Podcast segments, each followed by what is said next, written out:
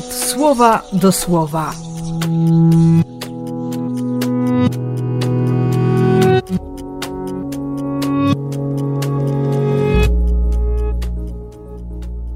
Dwudziesty ósmy października, sobota.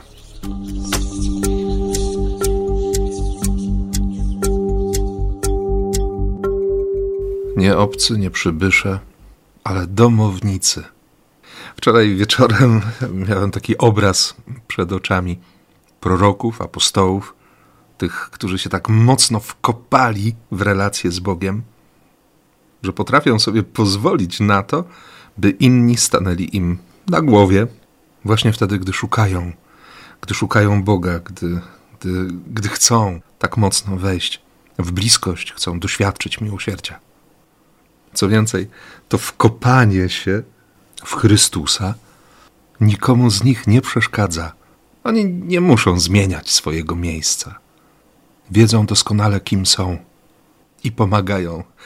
Pomagają wszystkim, którzy chcą być bliżej nieba.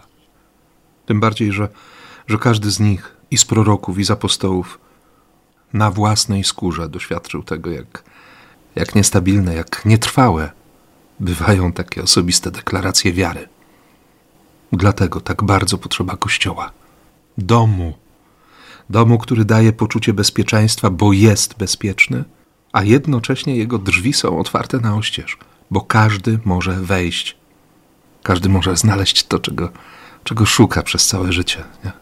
To znaczy odkryć miłość Ojca, który, który chce nas widzieć zaopiekowanymi i jednocześnie pełnymi ofiarnej miłości wobec tych wszystkich, którzy, którzy jeszcze do kościoła wejdą, którym trzeba podać rękę, których trzeba czasami wziąć na barana, bo są słabsi, bo może nie stoją tak mocno jak my.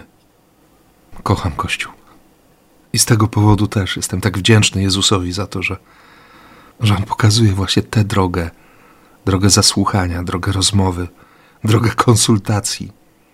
Całą noc rozmawia z Ojcem i potem spośród sporego grona uczniów wybiera tych dwunastu. Filary. Wie, kim są. Wie, na co ich stać. Doskonale wie, że są zdolni do wszystkiego najlepszego i, i w tę drugą stronę też. A potem w tej radości wyboru rozdaje miłosierdzie. Bez opamiętania.